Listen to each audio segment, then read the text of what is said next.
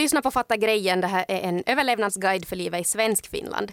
I Finland gäller uppbåde bara män, men i framtiden kanske uppbåde blir obligatoriskt för alla. Det här eftersom en arbetsgrupp föreslår att också kvinnor ska kallas till uppbåd. Men tjänstgöringen ska ändå fortfarande vara frivillig. Men vad innebär det här i praktiken för kvinnorna? Kommer ett obligatoriskt uppbåd göra någon skillnad och har man egentligen någon nytta av att gå milin?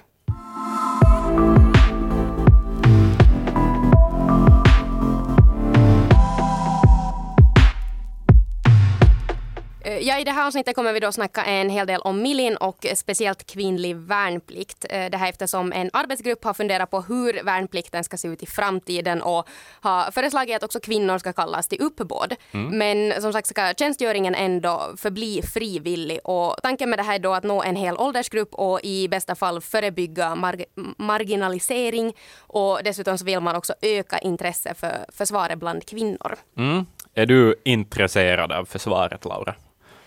Mm. alltså jag borde säga ja, för att jag kommer på ett sätt från en militär familj. Mm. Men jag tror att det har gjort mig att jag inte alls är intresserad av det på något sätt. För det har varit en sån del av min vardag. Mm. Det det Men du är från Ekenäs också? Ja, också, också det. Ja. Så det är det enda som typ har diskuterats hemma i middagsbordet. Så att mm. det, det, finns en gräns Just på hur mycket man orkar lyssna på. Just det, är det mycket hajå med dagan no, det, det är mycket hajå med dagar. Och sen just när man är från Ekenäs så det är ju liksom hela tiden ska det, nej, nej, nej, vet du det. Men det är ju det enda ni har nej, också. Nej, men det är det enda vi har. Inte? Ja, alltså på somrarna så kan man ändå säga att oh, vi har bra terrasser, men mm. det enda vi har är ju brigaden. Mm. Jag gick mm. till och med i, i dagis på, det fanns ett, ett, dagis på brigaden, brigadområdet. Okay. Och, och, folk trodde ju att man gick i militärdagis. I militärdagis? Fick ni leka med leksakspistoler på mm. militärdagis? Ja, men fick, vi, fick man det på vanliga då? Jag tror inte. Nej, jag tror, okej, okay, no, då fick vi nog knappast heller. Nej, men Nej. Det, var, det, var, det var kul. Lite speciellt. Precis, men jag du har liksom millin i blodet ändå på något vis har du ju. Ja, alltså jag, har, jag, jag borde ju ha det i alla fall. Mm.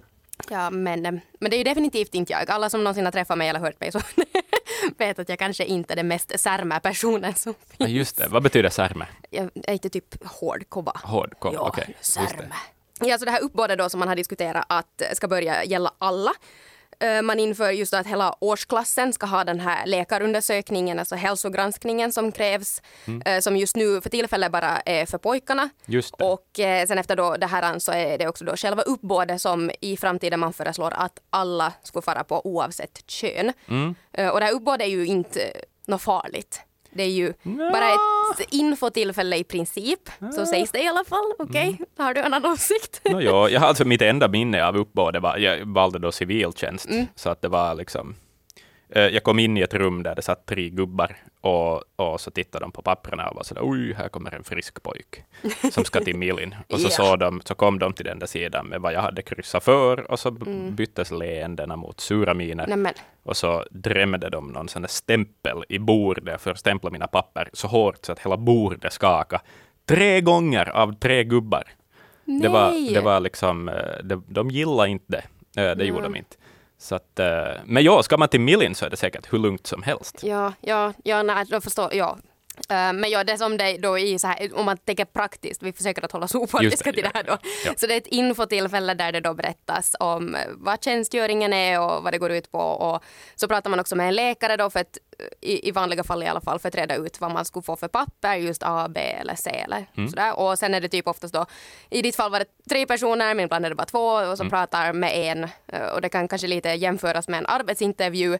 Nog mera low key i vissa fall, men, men just man pratar kanske mer om, om man just vill till Milin då, att när man vill rycka in och vad man har för studieplaner och sånt, mm. så att mm. de då lite kan reda ut att ska man rycka in på sommaren eller vintern eller hur ska man göra? Precis. Ja, men vi har då inför det här avsnittet också då kontaktat några kvinnor eh, några som redan har gått Milin för att just prata om deras erfarenheter och tankar. Och eh, sen då en som har funderat på att fara till Milin för att mm. just kolla hur, hur tankarna där går och, och, vad man tror att man ger sig in på. Eh, men, men det kommer vi in på riktigt snart. Att först ska vi ta då och reda ut det här klassiska lite stats. Ja. Ja, det har ju alltid bara varit män som kallas till det här uppbådet. Mm. Eh, och det har ju också en, en väldigt lång tid bara varit män som gör tjänstgöring. Att det var först mm. 1995 eh, som också kvinnor har fått rycka in i militären. Tänk det ja, det är nog mm. sent. Det är ändå. väldigt sent. Så det är inte ens många år som kvinnorna har haft möjligheten att fara. Mm Under de senaste åren så har då bara ungefär 3 procent av alla då om man kollar på Dragsvik av alla 1500 personer som då årligen rycker in där så har bara 3 procent varit kvinnor. Men intresse ökar hela tiden, mm. men, men nu är det fortfarande väldigt lågt. Jepp, också så här nationellt sett så det var rekord uh, i år, 2021 på våren. Mm. I hela landet så var det 1675 kvinnor som, som uh, åkte in i Millin. Um, men uh, jämför man det med hur många det är då totalt sett så det är ungefär ja. 20 000 varje år som åker in i Millin, give or take. Mm. Uh, men det som är ganska intressant är att, att det är ganska jämförbart med hur många som blir civiltjänstgörare, för det är runt 2 000 ungefär som söker till Jaha. civiltjänst varje år, mm. och då närmare 2 000.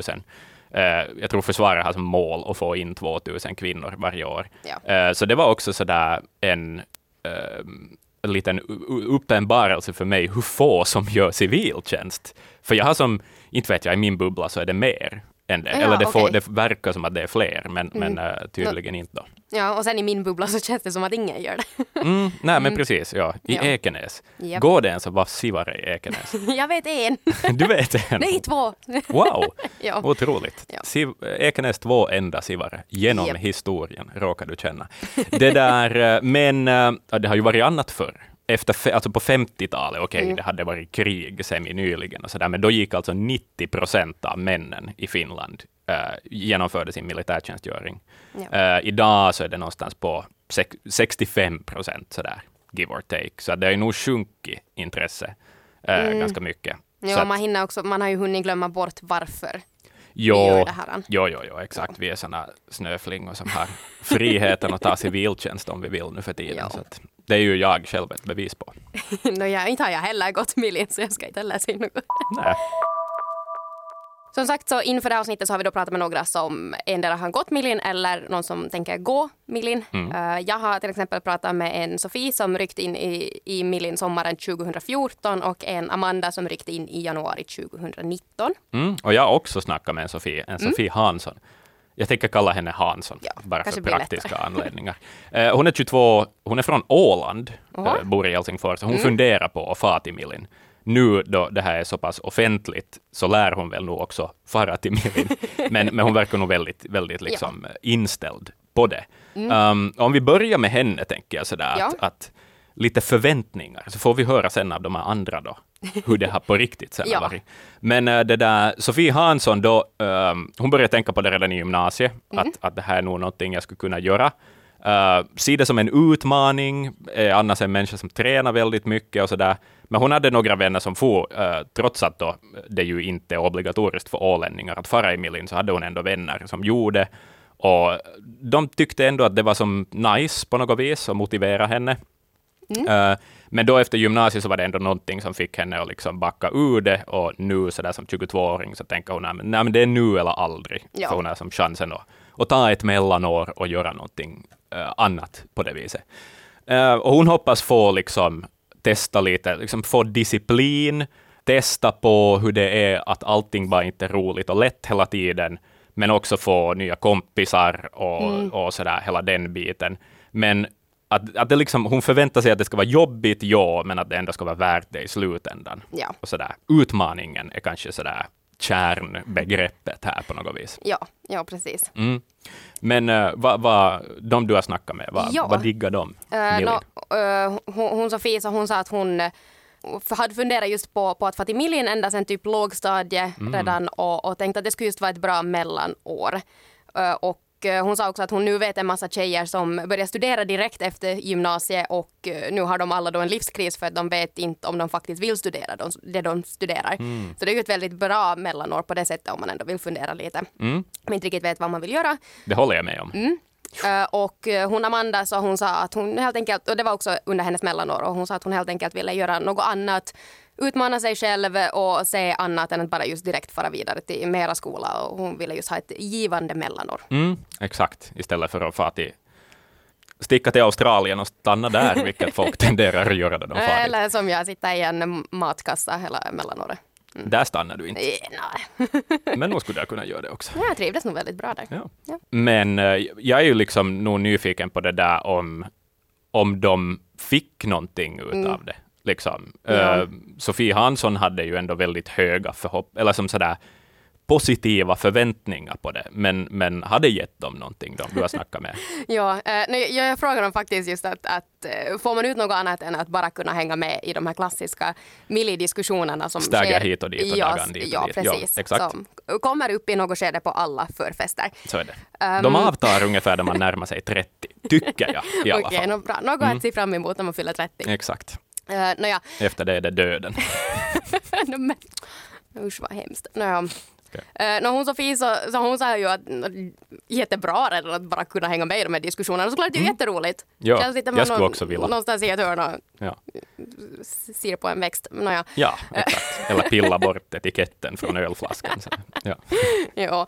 Nej, men hon sa också att hon, eh, att hon jätteofta märker att det har varit bra att hon har varit i milen. Många säger också att det märks på henne att hon har varit i milen. Att hon, eh, hon säger att man liksom blir mer självsäker. Mm. Att man, man eh, vågar också på ett annat sätt kanske. Man har lärt sig på ett bra sätt att stå upp till män också och inte alltid liksom, eller liksom Ja. Ja. Ja, ja, nej men det kan jag tänka mig. Mm. Man har varit tvungen att göra det också. Mm, Sådär. precis. Ja. Och, och det märks nog liksom i ens självförtroende. Och eh, att man just eh, lär sig också att stå upp för sin sak. Och det får bort det här nervösa skrattet som jag vet också att jag själv har. Jag skrattar alltid när jag säger någonting. Mm. ja, just det. Precis. Ja, du blir precis. Mm. mer sådär, blir mer särme. Ja, precis. Um, men kanske mer seriös ju och sådär. Eh, och sen också såklart det här ledarskapsutbildningen, vilket hon också sa att hon har väldigt mycket nytta av just också. Hon har varit med i Styssen. I, I sin förening i skolan och eh, just också grupparbeten så är det också väldigt lätt att, att se till att det blir gjort.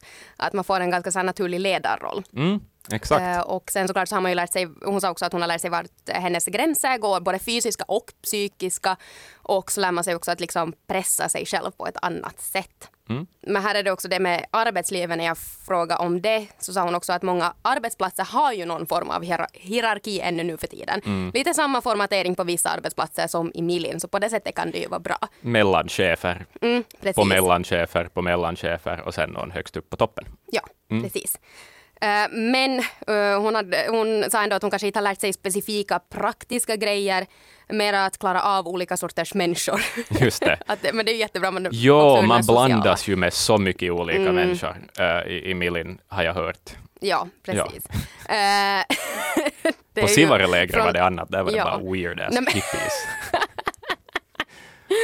Eh, ja, men hon Sofie så hon har också varit scout hela sitt liv så att på det sättet kanske inte, det, ingenting kom riktigt som en chock för att hon kunde Mm. redan det här. Hon kan sätta upp tält, hon kan sätta på en stormlykta, hon kan, alla de här sakerna. Så Precis. att kunde hon ändå från början. Mm. Så att det var ändå mer de här med, med gränserna att eh, pressa sig själv. Eh, men jag också hon Amanda så hon sa lite samma att man har lärt sig sina gränser, vad man tål mentalt och fysiskt. Mm. Och det har just gett mycket bekanta människor, kontakter i nästan hela svensk Finland. Och hon sa också att man kanske inte just har fått några konkreta skills. Eh, Man glömmer också bort en hel del. Att den här utbildningen var kiva om man fick testa sig, men så här vidare i livet och i studierna så säger hon att det har inte haft någon skillnad för henne. Okej, just det. Annat än det där snacket då, möjligtvis. Ja. Precis. Ja. Men eh, för det där med jobb, det har jag också tänkt på, så att, att det var åtminstone en myt, tycker jag, och det var någonting som sades väldigt mycket. Uh, då jag var yngre, så där att, att man behöver ha gått i Milin för att kunna nå vissa jobb, bland annat polisyrke, har jag hört liksom väldigt mycket om. Ja. Men jag ringde faktiskt upp Polishögskolan och kollade där. Jaha, ja. Och nej, det är inte ett krav mera. Så det var helt nytt för mig. Nej. Unge, alltså i 15 år ungefär hade varit eh, liksom, att inte måste du ha gått i Milin för att komma in i Polishögskolan. Och man kan tänka också att jo, det ser bra ut på CVn och, och vissa arbetsgivare kanske just ser att oj, du har gjort det här eller Mm. du hade den här graden och sånt här. Men det börjar ju nog försvinna mer och mer hela tiden. Ja, eh, det var också en uppfattning har varit sådär om du just har, också i Milin har gått den här reservofficersutbildningen, RUCKin, Ja. eh, att det liksom skulle vara en, på något vis en, en positiv sak, sådär, men, men att inte på, hos polisen så kan man inte liksom räkna det som en bra eller som det, det ger ingenting extra eh, på det sättet. Men ja, men, men just det där med att det ser bra ut på CVn, det beror väl jättemycket på vem som anställer dig. Alltså sådär såklart. att, att om du har en, en människa som värderar försvaret högt, eh, som anställer dig, så Ja. ser det ju säkert fint ut Ja, och det är ju inte, jag har ju nog svårt att se att det någonsin skulle vara något negativt att ha det på sitt CV. Det skulle det ju absolut inte. Nej, om Men- inte du söker jobb på, inte vet jag, hippie RF som verksamhetsledare. Eller vapenvägrarförbundet. Ja, då lämnar du bort det från CV. Finns det ett sånt förbund? Jag måste kolla. Jag, vill måste googla. jag måste googla snabbt. Förbundet. Det finns. det finns, ja. I Helsingfors. Ja, men nu snackas det ju om att då göra uppbådet eh, obligatoriskt för alla. Mm. Eh, va, hur ser eh, Amanda och Sofie på det? Liksom? Ja. Är det nice? Uh, absolut, de båda hade en väldigt positiv inställning till det nu. Mm. Uh, att just, de säger att många kvinnor missar den här infon fast de skulle vara intresserade. Mm. Uh, vilket jag också kan känna igen mig i. För i något skede när jag till och med tänkt på att okej, okay, kanske jag far till Milin då. Men då hade ju infon redan farit, då hade det redan varit uppbåd. Just det, precis. Ja, ja, jepp. Um, Hansson uh, tyckte också nog att, att sådär, det låter som en bra idé, för det skulle mm. sänka tröskeln mm. helt enkelt. Att um, det där första steget skulle komma närmare, att nu krävs det ju att du aktivt tar ansvar över ja. dig själv och gör din research och kollar datum och allt det här. Ja. Uh, så att det där, uh, och helt säkert skulle det ju nog öka antalet mm. kvinnor i Milin. Det, det måste väl, tänker jag. Ja, för vi kom också in lite när vi pratade just med Sofie och Amanda på den här, också den här pressen i Milin. Mm. Och ifall obligatoriskt uppbåd då skulle minska det, men sen igen så skulle inte ju ändå själva tjänstgöringen bli obligatorisk, så man skulle ju ändå vara där i frivilligt. Men till exempel Sofie sa att det finns den här pressen, absolut, att kvinnorna pressar ofta hårdare också, de är frivilligt där och hon säger att man fick aldrig klaga. Ah, just det, för att du är där frivilligt. Mm, du är där frivilligt. Precis, då ska du inte klaga heller. Nej, precis. Nej. Har du gett dig med i leken får mm. du leken tåla och så ja. vidare. Och så vidare. Just det. Ja. Men var det bara mot män, liksom, eller som Mm. Att du ska bevisa någonting för, för de andra eller männen på något vis? Eller? No, man, alltså man skulle ju tänka det på mm. något sätt, att man måste bevisa, okej okay, nu är jag här frivilligt, nu ska jag bevisa vad jag går för. Mm. Uh, eller nu får jag misslyckas. Uh, men, men hon Sofie berättade också att i, i vissa skeden så kan det till och med hända att kvinnor i miljön också dömer varandra. Att det blir en viss sån här toxic mentalitet där inne. Just det. Uh, att, att det är ju lite som en annan kultur där. Mm. Och att det här obligatoriskt uppbåd kanske då skulle sänka pressen och flera kvinnor in i milen och ju fler kvinnor desto mindre press. Det blir liksom inte samma Nej. tävlingsmening på något ja. vis. Sådär. Just det, precis. Ja, och, och, lite samma åsikt hade också Amanda. Uh, att, no, hennes, hon sa att hennes press redan har nästan kommit från hennes uppväxt. Hennes pappa är också i militären. Mm. Så hon har då levt med det och vuxit upp med det. Men hon sa också att det nog finns en press som kvinna att just hänga med. Mm. Uh, men det finns det också såklart för männen. Ja. Men hon sa också just då att det här obligatoriska uppbådet kanske skulle vara enklare just för kvinnor att få reda på vad det här faktiskt går ut med, uh, få den här informationen så att det inte bara blir så att man får info från andrahandskällor, just pappor eller brorsor som yep. har tyckt att Milin var skit, utan man får en egen uppfattning om det här. Ja. Och att, att det just skulle hjälpa rykte om Milin i, i, det, i de, de skeden som det i alla fall är skit. Uh, och man skulle kanske just också diskutera med kaverina på ett annat sätt om Milin. Uh, så det skulle, nog, det, det, skulle nog behövas mera kvinnor i milen. Till exempel också när Sofie 2014 då var i milen så var det 16 kvinnor som ryckte in samtidigt som henne men de var bara åtta som gjorde det till slut. Vilket mm. betyder att de då bara var åtta kvinnor kvar. De var lite mera liksom utsatt, utpekade på ett annat sätt. Ja. Uh, men när Amanda var i Milin 2019 så var de 20 kvinnor. Uh, eller att det skulle vara skönt med flera kvinnor, att man inte blir lika splittrade och att man just blir ensam kvinna på en kontinent. Nej. Men så här, hur sammanfattar de det på något vis då? Var det bara sunshine and rainbows och mm. and handguns? Nej men det var, alltså för när jag ställde den här äh, frågan just att typ så här, vad är det bästa, eller vad var det bästa och vad var det sämsta med Billin? Så de båda svarade ganska snabbt vad det bästa var. Mm. Äh, Sofie sa att det bästa var, eller de båda sa att det bästa var människorna, kompisarna man fick. Uh, men sämsta fick de lite längre fundera på. Men där var det just att det var långa perioder i skogen, i dåligt väder. Uh, och, och, speciellt om man som kvinna också hade oturen att ha mens just då. Mm. Som gjorde ju saken lite mera obekväm. Amanda sa Ingen också, kommentar hon, härifrån. Eh, och Amanda ryckte ju in i januari 2019 så hon fick väldigt mycket sommar under sitt år. Så hon sa också att det var väldigt skönt. Eh, men sen samtidigt så, så var det nog det sämsta ändå med de här, när det var vått och kallt på övningarna. Mm. Men hon sa också att man väldigt lätt förtränger det här, att när man väl kommer ut så fokuserar man på det som har varit bra. Förstås, ja. så funkar det ju i allmänhet. Mm, liksom. så, ja, så, ja. så när jag frågade dem att nu med, med, med facit på hand att skulle de göra det här på nytt. Så Amanda bara jo, det skulle hon och eh, Sofia var så att jo, Milin, men Rukin nä. Okej, okay, men ja. det var ju ändå ärligt. Det var ärligt, ja. Just det. Fanns det någon orsak varför Rukin var jobbig? Eh, ja, största orsaken är väl där att eh, allting gick på finska. ah, just det. Nej, men då är det ju en hög tröskel. Ja, uh, om man inte riktigt behärskar språket så som man skulle vilja om du är rekryt så är det ju nog som lika värd oavsett mm. på något vis. Men att hur funkar det så där i praktiken? Att, att är kvinnor och män åtskilda eller vet mm. du, blandas man eller hur? Det, hela den på något vis biten, sociala biten och, mm. och pressen av att bara vara runt en enorm majoritet av män hela tiden. Uh, ja, no, det har ju, alltså, för det har ju varit just skilda uh, kvinnostugor och, och mänstugor. Mm. Uh, men nu på senaste tid har man ju börjat med det här försöket med gemensamma stugor. Okay. Uh, och jag frågade också Sofia och Amanda att är det här yay eller nej? Att vad tycker de? De hade inte själva när de var inne. men de var nog båda ändå relativt positiva till det här. Mm. Eh, Sofie sa att yay, det skulle stärka gemenskap, gemenskapen men man vill ju nog såklart ändå ha skilda väsen och duschar. Ja. Att just, men på läger till exempel så sover man ju ändå i samma tält så att det är kanske lite konstigt att man på brigaden måste sova i skilda, mm. Eh, skilda, på skilda ställen. Ja, precis. Uh, och sen Amanda var så ett jo och nej.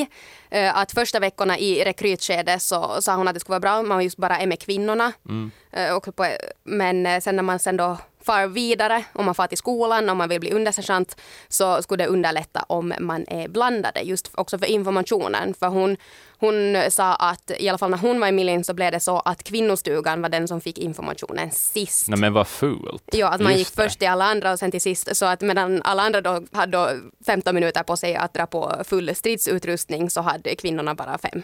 Jaha, oj då. Ja. Just det. Så att, eh, men sen igen så sa hon också att det, det, borde ändå, att det ska ändå finnas kvar den här möjligheten att man får själv välja. Mm. Att det är inte rättvist mot någon, varken kvinnorna eller männen, om man tvingar dem att blandas. Nej. Ja, jag snackade också med Hansson om det där på något vis, hur hon tänker kring det där att, att vara en sån minoritet mm. bland uh, en massa män. Men att hon, hon såg det som att liksom bevisa att, mm. att kvinnor är minst lika kapabla i millin som män och, och, och, allt det här. På något vis att det inte ska vara en så stor sak att fara till millin som kvinna. Och jag undrar också, det, jag menar det är ju himla ovanligt med en åländsk kvinna i ja. armén, men hon är inte den första. För hon känner en som är lika gammal som henne, som var för några år sedan, en åländsk kvinna. Mm -hmm. Så att, eh, jag tycker att vi kan titulera henne då möjligen den andra åländska kvinnan i Finlands armé.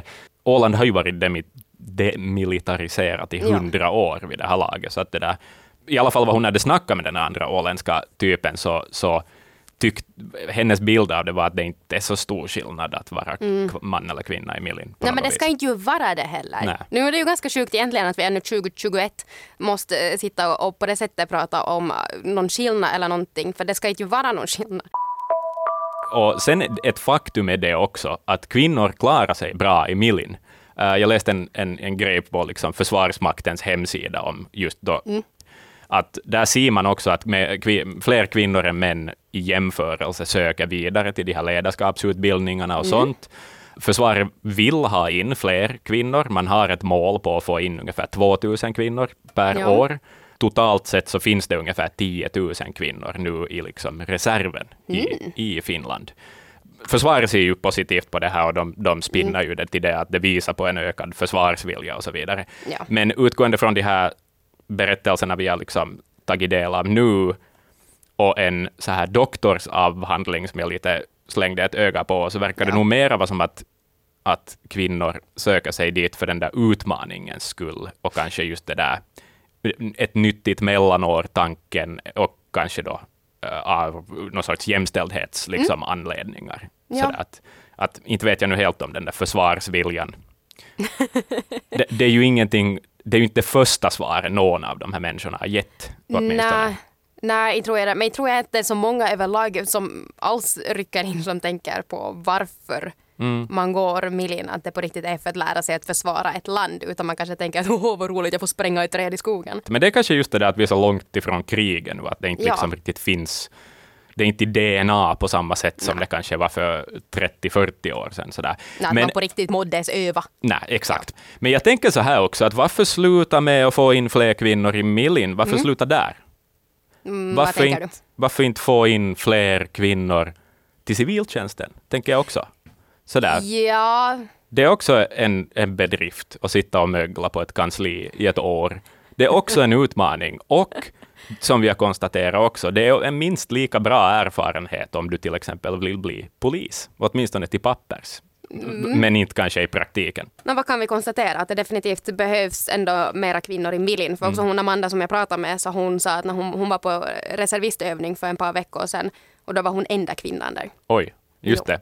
Dessutom finns det inte ännu väldigt liksom, högt uppsatta kvinnor inom Milin. Det var mm. någon överstelöjtnant, tror jag det finns. Men det, mm. det har att göra med det här att det tar länge att nå upp till toppen i Milin och om man då från och med 95 har fått börja vara i Milin, så har liksom det är i alla fall så Försvarsmakten resonerar, att de har liksom inte hunnit nå dit ännu, men det lär mm. hända inom några år, tror de. Ja, Nej, men det är ju också fun fact, för jag har ju alltid trott att när man väl har gått milin så kan man bara typ stanna kvar där och, och bli högre uppsatt hela tiden. Mm. Men tydligen så går man ju på riktigt en, en högskoleutbildning. Jaha. Man, okay. man går tre eller fyra eller fem år. Så det är inte som att avancera, liksom. du börjar på på något rederi. Ja, man kan ju säkert gå den vägen du... också, men för ja. att nå vissa positioner så måste man ha den här utbildningen. Ja, ja, ja. Uh, så att man, de, de är faktiskt högskoleutbildade. Men det makar mm. ju sens. Jag menar herregud, du, du ska vara chef över en massa människor och saker ja. också. Ja och försvar, ja. Och, ja. och, inte vet jag, en massa andra kunskap. Säkert måste du lägga upp några budgeter också. Ja, typ. Nej, men precis. Alltså man tänker ju liksom, när man tänker på Millin, i alla fall ur mitt perspektiv, tänker man ju på Ekenäs och Drakan och millipojkar. Mm. mm. men, men det är ju ett lands försvar. Ja. Man liksom glömmer helt bort det. ja, exakt. Det är, inte, det är inte någon sorts liksom, konstig lägerskola. Nej. Det här var veckans avsnitt av Fatta grejer med mig, Laura och Axel. Tack för att du lyssnar och om du har kommentarer om avsnittet så får du jättegärna höra av dig till dig, Axel. Mm, Axel.brink vapenvägrarförbundet.fi Eller sen till mig på laura.orros.yle.fi. Hashtag promilli. Eh, du hittar oss också på Instagram under namnet Yle Extrem Nyheter.